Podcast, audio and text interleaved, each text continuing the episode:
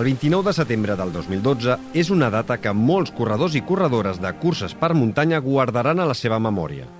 Unes condicions meteorològiques adverses van fer que la Cavalls del Vent acabés amb l'abandonament de centenars de corredors i la mort d'una corredora. Per què va passar? Com es va viure i què va canviar?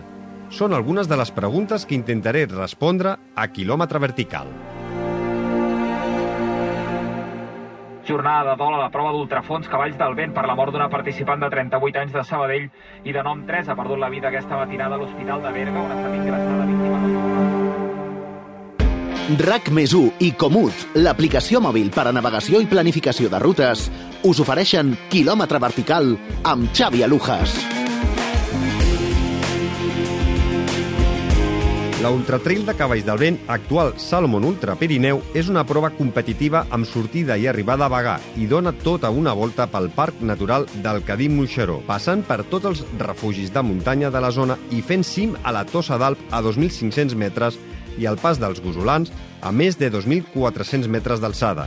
Aquell 2012, la prova tenia uns 85 quilòmetres i el recorregut era gairebé idèntic a la ruta original de senderisme de Cavalls del Vent. A les 9 del matí, gairebé un miler de corredors i corredores van prendre la sortida des de la plaça de la Porxà de Bagà. Quan els corredors just enfilaven la llarga pujada que els durien fins a la Tossa d'Alp, la pluja va fer acte de presència i ja va ser present durant gairebé tot el dia.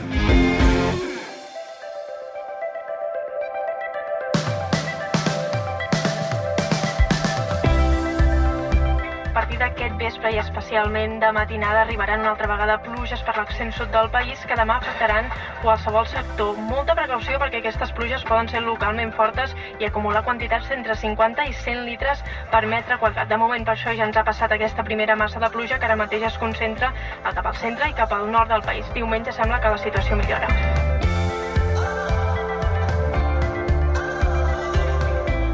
Aquesta va ser la previsió meteorològica que la Mònica Usart va fer el 28 de setembre del 2012 per saber quines van ser les condicions amb les que es van afrontar els corredors i corredores i què és el que ho va provocar, tenim a la Mònica Usart.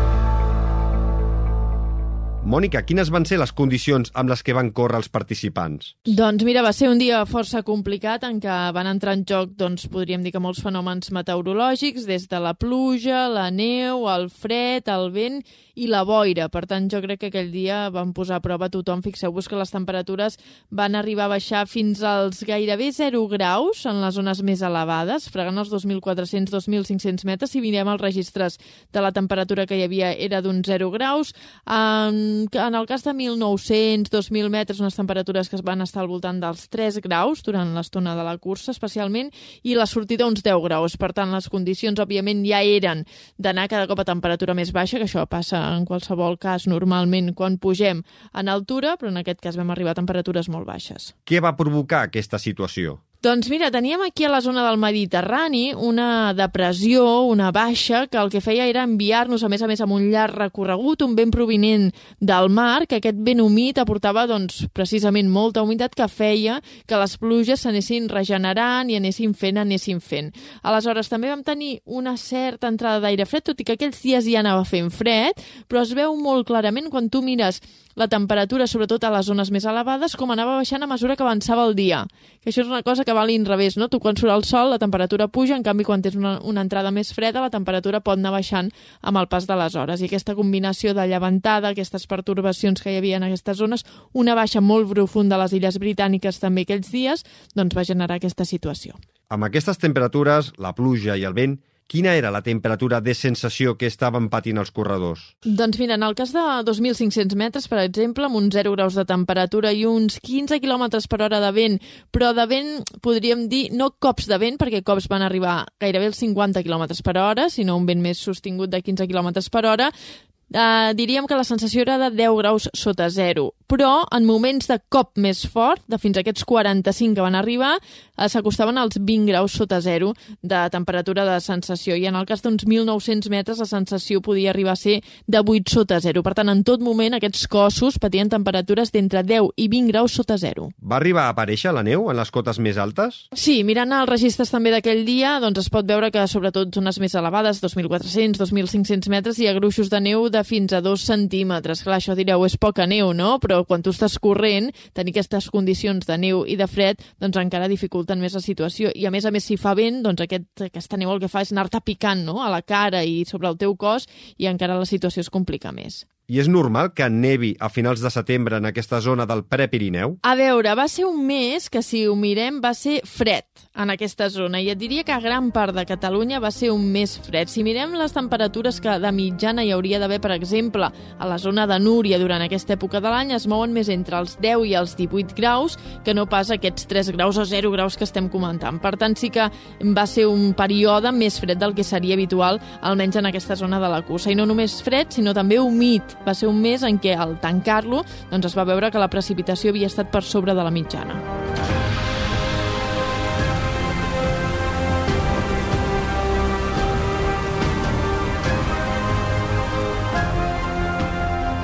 Aquella edició del 2012 de la Cavalls del Vent va marcar un abans i un després dins del món de les curses per muntanya. Vull saber com es gestiona una situació tan complicada com aquella, i és per això que puc parlar amb el que era director en aquell moment de la Ultra Cavalls del Vent. Joan Solà, benvingut al quilòmetre vertical. Hola, què tal? A veure, la primera pregunta que se'm passa pel cap. Joan, amb la previsió meteorològica que teníeu, vau fer canvis de darrera hora a aquesta cavalls del vent del 2012? No es van fer canvis de darrera hora, però amb la meteo que hi havia, que sobretot era, era, era de pluja, eh, el que es va reforçar era els plans B que hi havien, eh, però canvis específics, allò de dir canviem el recorregut o això, no, no es va fer, bàsicament perquè no, no, no hi havia previsió de tormenta elèctrica, que és el, el, el que moltes vegades impedeix totalment que passis per un lloc o no. Mm, sí que és veritat que la, la sortida es va retardar una mica, no? Just perquè estàvem a dalt del niu i el que hi havia era una boira molt, molt, molt espessa dalt de, del niu que era el primer pas on, on diguéssim, on pujaves a 2.500 metres. Joan, quin era el material mínim obligatori en aquesta edició per tots els participants? Bueno, era el màxim. És a dir, eh, hi havia part del, de lo bàsic, lo típic, aquest xiulet, manta, etc. doncs hi havia tot el tema de material, material de, de, de pluja, gorotex, impermeables, pantalons llargs, tèrmica, tot, tot aquest material. Quan hi ha eh, aquests eh, centenars i centenars de corredors que, que abandonen a mig matí ja els refugis del Serrat de les Esposes, el, el, el refugi de Cortals de l'Ingla i Prats d'Aguiló, és quan veieu que la cosa es complica ja a nivell organitzatiu? Um, bueno, o sigui, en el moment de que hi ha, sobretot, pluja, uh, ja, ten, ja estava tot anticipat, és a dir, ja, ja hi havia una previsió molt més gran d'abandonaments, amb la qual tot el que és l'equip que recull a tots els retirats, eh, això estava reforçat. És a dir, eh, estava, hi havia més furgonetes i estava previst de que retaria més gent. És a dir, no és que digués, està, què passa perquè abandona molta gent, sinó és que hi ha, hi ha, i sempre passa el mateix amb les curses, eh? en el moment de que hi ha sobretot pluja, eh, abandona molta més gent. Llavors, mm, no, no va ser que diguessis això s'està complicant, que després, evidentment, eh, es va complicar, però, però, però ja, estava, ja estava previst i ja es va anar traient molta més gent i ja es havia anticipat. Com, com traieu gairebé 800 corredors de la muntanya, en el qual només el refugi del Serrat de les Esposes té un accés eh, més o menys fàcil amb carretera, però clar, Cortals de l'Ingla i Prats d'Aguiló eh, són refugis eh, petits eh, i amb difícil accés eh, per carretera, són pistes forestals. Bueno, hi ha coses que a vegades la, la, la gent, evidentment, no, no, no veu, perquè bueno, tampoc les han de veure, però dintre de, de la previsió o de la, de, de l'organització de treure els retirats, eh, hi han un número de furgonetes, entre 7, 8, 9, 10 furgonetes per anar traient a la gent, Després, eh, sobretot per Prats de Guiló, hi han 20 4x4, tot i que ara han arreglat una mica la pista, en aquella època estava més malament, amb la qual potser és la part més complicada, en el tram des de Guiló fins a baixar a Montellà mm -hmm. o, o fins a, fins a... A vegades ho fem fins al, a l'àrea de servei de, del túnel del Cadí, eh, utilitzàvem o, va, o varis transfers. La primera part amb 4x4 perquè contínuament poden pujar i baixar, després amb furgonetes, i el que tenim, i que sempre està previst cada any, és que hi han cinc autobusos que estan en stand-by. Bàsicament, això es fa, un, per si s'ha de treure molta gent, o, evidentment, quan estem parlant de muntanya de 2.500 metres, en qual les tormentes elèctriques et poden sorprendre, perquè a vegades hi ha molta cosa que la gent no sap, i hem tingut eh, ultres Pirineus, que hi havia tormentes elèctriques a uns quilòmetres, i llavors tenim el meteoròleg que ho va seguint i ens diu, pues, escolta'm, que la tormenta elèctrica no, tranquils, que no passa per aquí, o s'acosta cap aquí. La tormenta elèctrica és el més, el més complicat, i llavors sí que has de neutralitzar, o potser treure tota la gent. Llavors hi ha aquests autobusos, i evidentment a, a, aquell any els autobusos ja estaven, ja estaven previstos, llavors vam anar carregant autobusos i vam anar baixant la gent a vagar. M'imagino, Joan, que les pitjors eh, coses que us toca viure com a organitzadors és eh, la mort eh, d'un corredor o una corredora, en aquest cas la, la Teresa. Quan us assabenteu vosaltres que hi ha una corredora que està en estat molt greu d'hipotèrmia? Bueno, eh, en el moment de que, de que es va activar per anar-la a buscar, eh, evidentment ja ho sabem, en el moment que passa el servei mèdic sabem contínuament com està, eh, i de fet, en aquest cas, vull dir, es va recuperar in situ, normalment amb, amb hipotèrmies eh, fiquen suero calent, van recuperant, es va fer tota la recuperació i hi ha gent que es queda a vagar. En aquest cas, des del moment que es va recollir, al moment que hi arriba el metge, sabem, se sap, quan, amb qualsevol eh, eh, lesionat o, o problema que hi ha, sabem exactament què hi ha, el FECOR sap què passa, què té, i en aquest cas va tindre això, es va traslladar, es va trans transportar amb l'ambulància i l'ambulància es va portar cap a, cap a l'hospital. On hi va haver una mica, per dir una manera, de sorpresa, va ser que quan estava a l'hospital va ser quan hi va haver la fallida. Saps? No va ser abans. Llavors, mm. clar, com a organització va ser, vale, està, sí, s'ha recuperat, s'ha transportat, està a l'hospital, perfecte. Mm. I després va ser al cap d'un rato quan dir, escolta'm, que allà a l'hospital és quan hi ha hagut el, el, el problema. Llavors aquest va ser el, el primer... O sigui, la diferència de que, que, que es donava pràcticament no es dona com a tancat, perquè inclús gent que ha anat a l'hospital, perquè altres anys molta gent ha acabat a l'hospital, llavors hi ha un seguiment, no? Aquesta persona com està, etc. Fins inclús un any hi va haver un d'estranger que vam tinguer d'organitzar que tornés a casa, etc. Però aquí va haver potser el primer canvi, però en el moment te n'adones, ho saps, el moment on que s'activa ja el, el, el, el moviment per part de l'equip mèdic. I vosaltres vau introduir canvis significatius el 2013 eh, doncs, eh, per minimitzar aquests riscos en, en cas de, de mal temps? Bueno, jo diria que s'han fet poder com dos tipus de canvis, eh, i tots molt centrats en, en educar.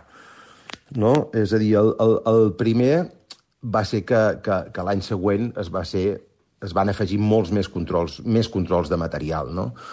I, i, i curiosament encara hi havia gent que no portava el material obligatori, es va descalificar bastanta gent i mm, progressivament cada cop se n'ha anat de, eh, eh, descalificant menys per no, per no portar el material. Això, diguéssim, va ser potser el, el, el primer canvi i després, al cap d'uns anys, també vam veure que a vegades el que s'ha de ser és, és coherent i, i, i sobretot intentar inculcar que el que s'ha de fer en una cursa és el mateix que tu faries a la muntanya sol. Uh, a quina hora s'ha de portar frontal? Pues no, no fa falta que el portis i que et carreguis i que facis i que vagis amb 5 quilos de material fins a les 5 de la tarda. Pues a partir de les 5 de la tarda, on hi ha un marge que, que, que dius, pues a les 5 de la tarda sí que ja l'has de portar, estiguis on estiguis. I això, en definitiva, és adaptar el reglament el que tota persona que va a la muntanya hauria de fer. I llavors hi va haver un altre canvi que també va ser adelantar la sortida. Això no té tant a veure amb el material, sinó que bé, té més a veure amb nivell d'organització. O sigui, la, la Ultra Pirineu té un problema molt gran. És que hi ha un moment que tens corredors a la vessant de la Cerdanya i a la vessant del Berguedà. Llavors, a nivell de treure gent en cas de que passi alguna cosa, o, o inclús de anar distribuint, perquè els equips mèdics van canviant, també ho fa més complicat. Si tu, i a, i a partir del vespre és quan tens més, sobretot no lesions, però més abandonaments. Llavors, a l'adelantar-ho, eh, et trobaves que durant el dia eh, el fet d'adelantar-ho ja es va veure que hi ha, hi ha menys abandonaments a Prats de Guiló i en canvi n'hi ha més a Goso. I això, a nivell d'organització, et facilita bastant la cosa. I acabo, Joan, eh, creus que aquesta Cavalls del Vent eh, va haver-hi aquest punt d'educació? Bueno, jo crec que aquest punt encara... Aviam, primer hem de partir a la base que aquest esport ha, ha crescut bastant, que hi ha bastanta més gent que ho practica, hi ha bastanta més gent que ho practica i tampoc és gent de muntanya, però jo segueixo pensant que, que hi ha una part molt important i que la gent ho fa i ho segueixen fent per mi malament, que és el, el, el síndrome del dorsal. És a dir, eh, a vegades quan ens fiquem un dorsal, i jo soc el primer que m'incloeixo aquí, pensem que, bueno, mm, no hi ha riscos. I, I no és així. Llavors, eh, jo crec que hi ha hagut un canvi a nivell d'organitzacions en què bueno, ha sigut més estricte, la gent cada cop ho té més clar i a nivell de participants també ho tenen més clar, però penso que el síndrome del, del, del pitrall eh, eh, encara existeix. Ja no només amb això, vull dir, ho veig cada any a l'Ultra Pirineu, que hem tret gent que acaben fosos, mm. que no poden més, que no poden caminar perquè estan fosos i els hem de fotre un xute de suero, s'esperen una estona, es recuperen i llavors els traiem. Si tu estiguessis a la muntanya sol, possiblement no arribaries a aquest extrem. Quan estiguessis fotut diries tu, jo paro, que ja no m'aguanto. I en canvi el fet de portar el, el, el, el pitrall i dir tinc d'acabar, fa que passin aquestes coses. Llavors això és el que crec que, que s'hauria de canviar, i seria bo que canviés. Joan Solà, moltes, moltíssimes gràcies per eh, donar-nos el teu punt de vista. Gràcies per participar al quilòmetre vertical. Una abraçada. Gràcies a vosaltres.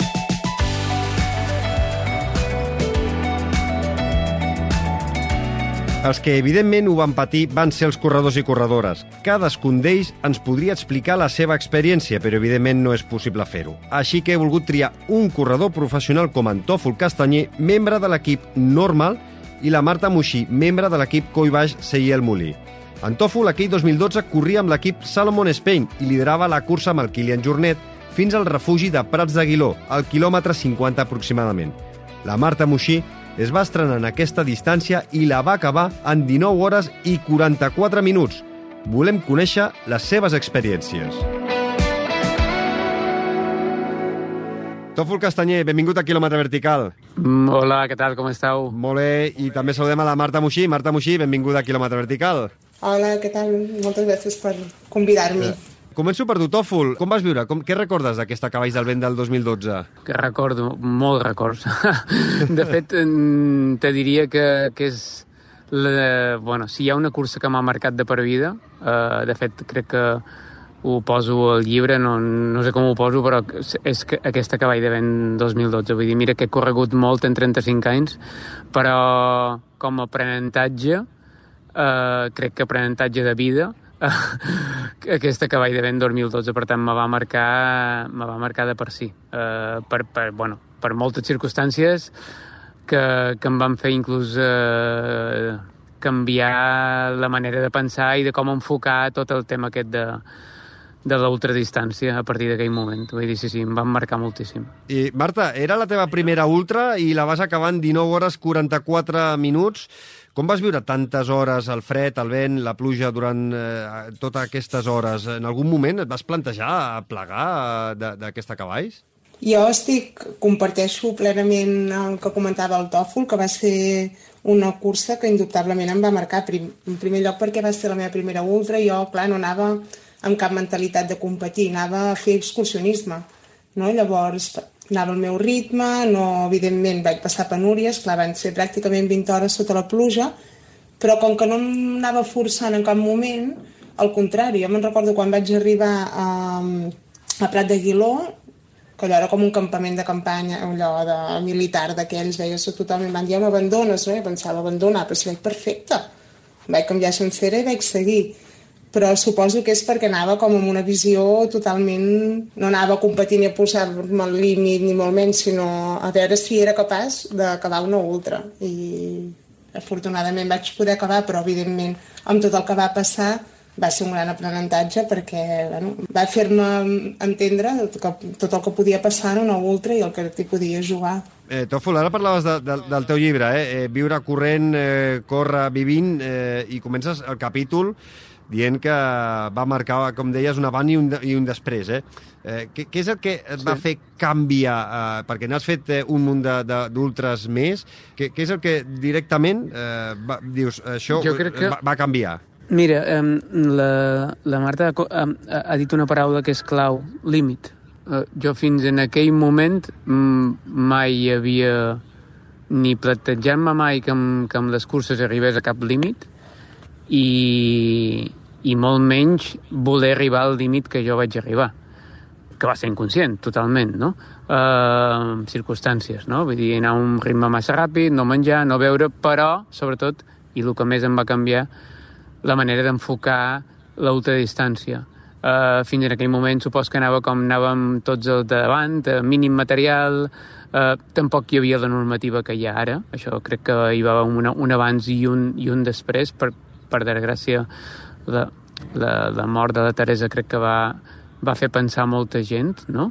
Uh, I entre ells a mi. Vull dir, jo he de dir que jo en aquell refugi de Prat de Guiló, que com ha dit ella, semblava un, això, un, no, no he estat mai a cap guerra, però, però el més similar a jo, pues això, la, la hipotèrmia em, fa, em va fer arribar a uns límits que, que, que fins i tot ja no, jo, jo ja no ho controlava, però és que el metge es va veure que tampoc podien gairebé controlar i, i ja t'he dit, tot això em va fer sobretot pensar molt i crec que els, eh, això, les experiències serveixen com a o tocarien servir com a aprenentatge. Eh, jo a partir d'aquell dia et prometo que a totes les altres que he fet a posteriori eh, la meteo és el primer que mir i el darrer que mir. Vull dir, abans de sortir la meteo i, i si he d'agafar alguna més, una mica més gruixut, eh, sincerament el pes ja no és tan important eh, la seguretat és molt més important. Va, vas arribar a patir per la teva vida? Bueno, no sé si tu eres molt conscient. Sí, jo no era conscient, però per el que em van dir tant el metge de dalt com després el Brutons i tal de baix, uh, sí, um, bueno, a mi em van fotre ja al final, bueno, després de... Bueno, ho conto una miqueta al llibre, després de de, de canviar-me tota la roba possible i de, i de fotre-me suero perquè estava de, deshidratat, segurament per això no pujava temperatura, jo seguia estant a 32 graus, i, o bueno, havia baixat fins a 32 graus, i 32 graus em va fotre una pastilleta de ball de, ball de la llengua perquè, perquè crec que es comencen a, a parar els òrgans, no? I, i mira, van tenir la sort i la sort i, i la saviesa que en el que tenien allà els metges em van aconseguir treure del, del pou aquell, no? Però, però ja t'he dit que quan això, després el, el Dani Bertons, perquè ja, òbviament ja em van treure i quan vaig recuperar tal, cap problema.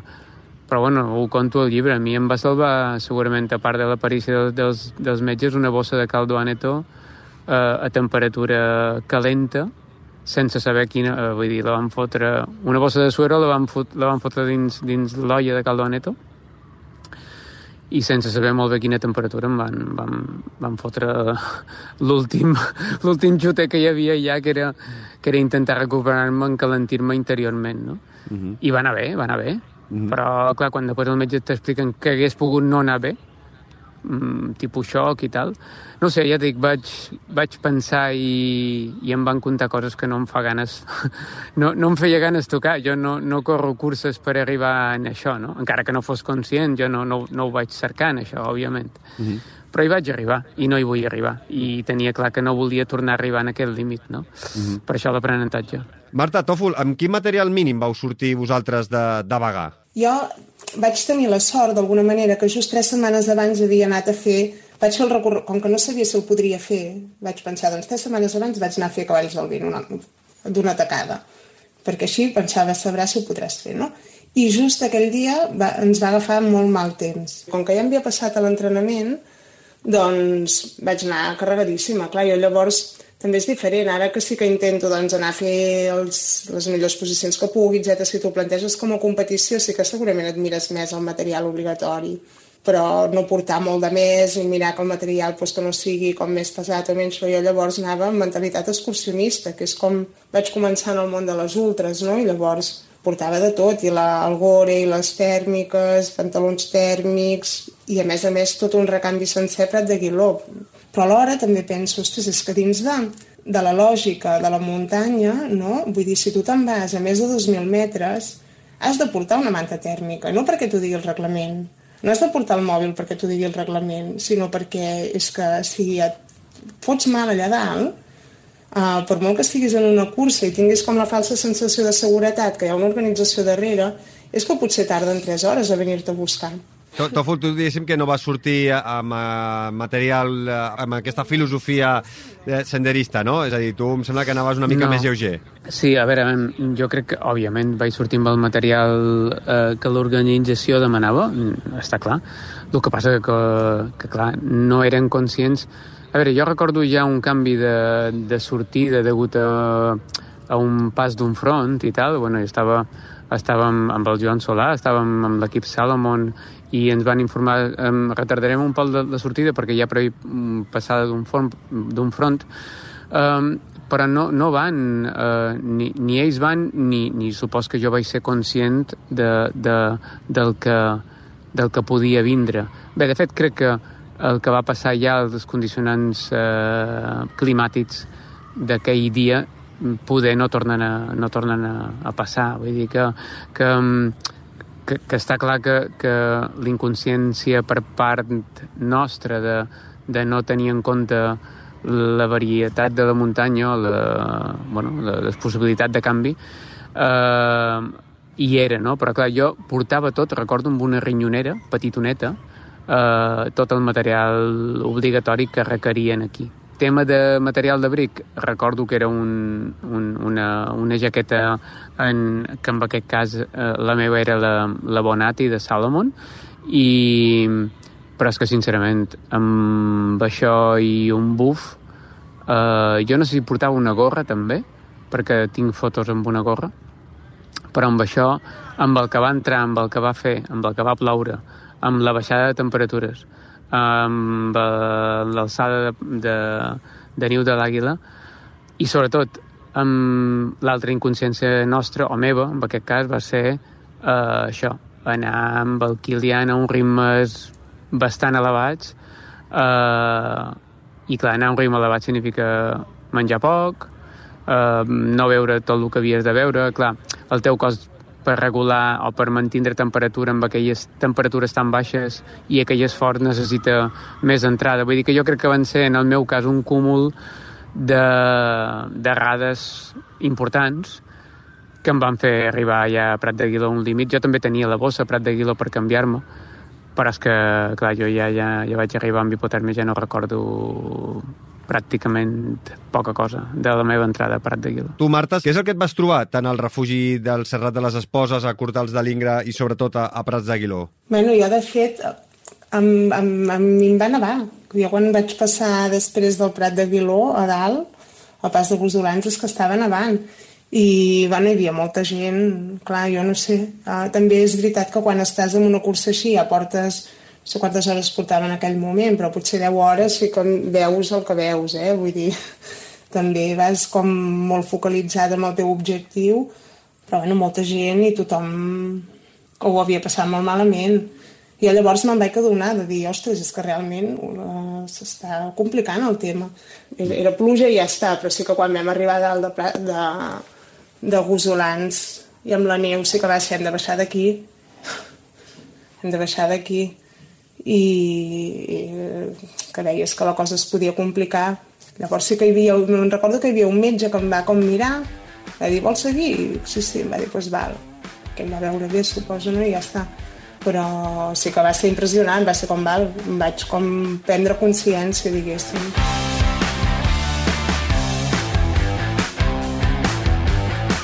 Eh, vaig acabant. Necessitaria que, que em diguéssiu una ruta per la que surts normalment a, a entrenar, al teu pati de joc, i la posarem a la nostra col·lecció de rutes d'aquí del quilòmetre vertical, la nostra col·lecció de rutes a Comut.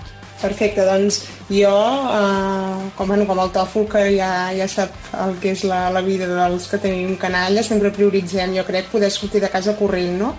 I per això, per mi, La meva ruta mm, preferida és uh, la Pòpia del Montgròs, que és un cim que tinc a uns 9 quilòmetres de casa i que faig per una carena, uh, molt xula, que es diu la carena de la Malera, i després, si vull allargar, baixo, pujo per un altre cim que és uh, el Puig d'en Coll, i que són els turons que tinc al costat de casa i són rutes molt xules. I tu, Tòfol, eh, quina seria la teva ruta que afegiríem a la nostra col·lecció de, de Comut? Uh, jo també, com la Marta, sortida de casa i si pot ser ben d'hora, uh, així la canalla encara dorm, i una ruta mm, de les que faig entre setmana, una ruta seria sortir de casa de Solla, del meu poble, i pujar a Portell de la Costa, eh, que te du eh, bueno, la coma de Sant Torreia, i des de coma de Sant Torreia a un cim que per mi és el, bueno, segurament el que he pujat més cops, que és el Puig de l'Ofre, i del Puig de l'Ofre, que és, és un mil pelat, mil, mil trenta, una cosa així, uh, baixar per, per Barran de Vinyeraix, cap a Vinyeraix i cap a Solla una altra vegada. Són uns, uns 20 quilòmetres, uh, ja dic, un, millor mil positius, mil, mil i poc, però per mi és això, la ruta que segurament he fet més en la meva vida.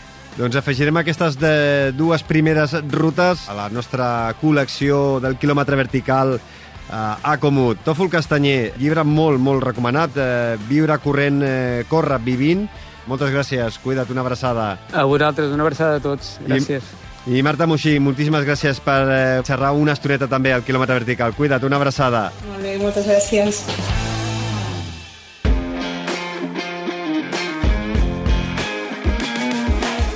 Córrer per la muntanya és un esport que qui el practiquem ens aporta unes sensacions difícils d'explicar. Gaudim de la llibertat que ens regala la natura, de la solitud en moltes vegades i dels amics en d'altres. Ens carrega les piles i, en general, arribem al final de les nostres rutes gairebé sense mal de caps. Però, de vegades, la muntanya ens pot posar en un mal tràngol i si no anem ben preparats, la situació pot arribar a ser perillosa. Aquell 2012, la majoria de corredors i corredores van prendre consciència que córrer per la muntanya podia arribar a ser un malson per culpa de la meteorologia.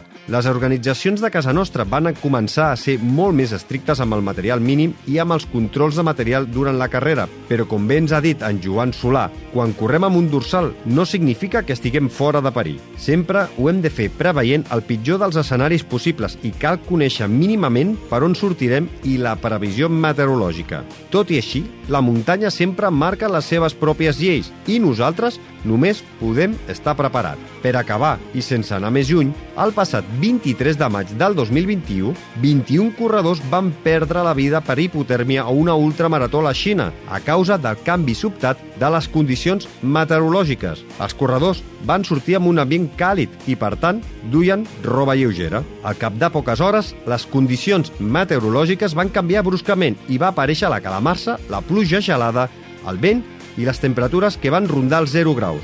Això va fer que un grup capdavanter quedés atrapat en una zona rocosa i de difícil accés i quan els grups de rescat van arribar, ja era massa tard per a aquests 21 participants.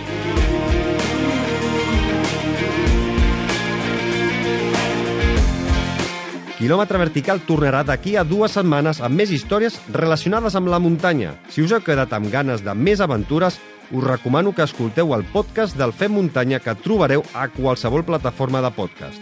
Fins llavors, gaudiu i sigueu feliços amb salut, seny i muntanya. RAC més i Comut, l'aplicació mòbil per a navegació i planificació de rutes, us han ofert quilòmetre vertical amb Xavi Alujas.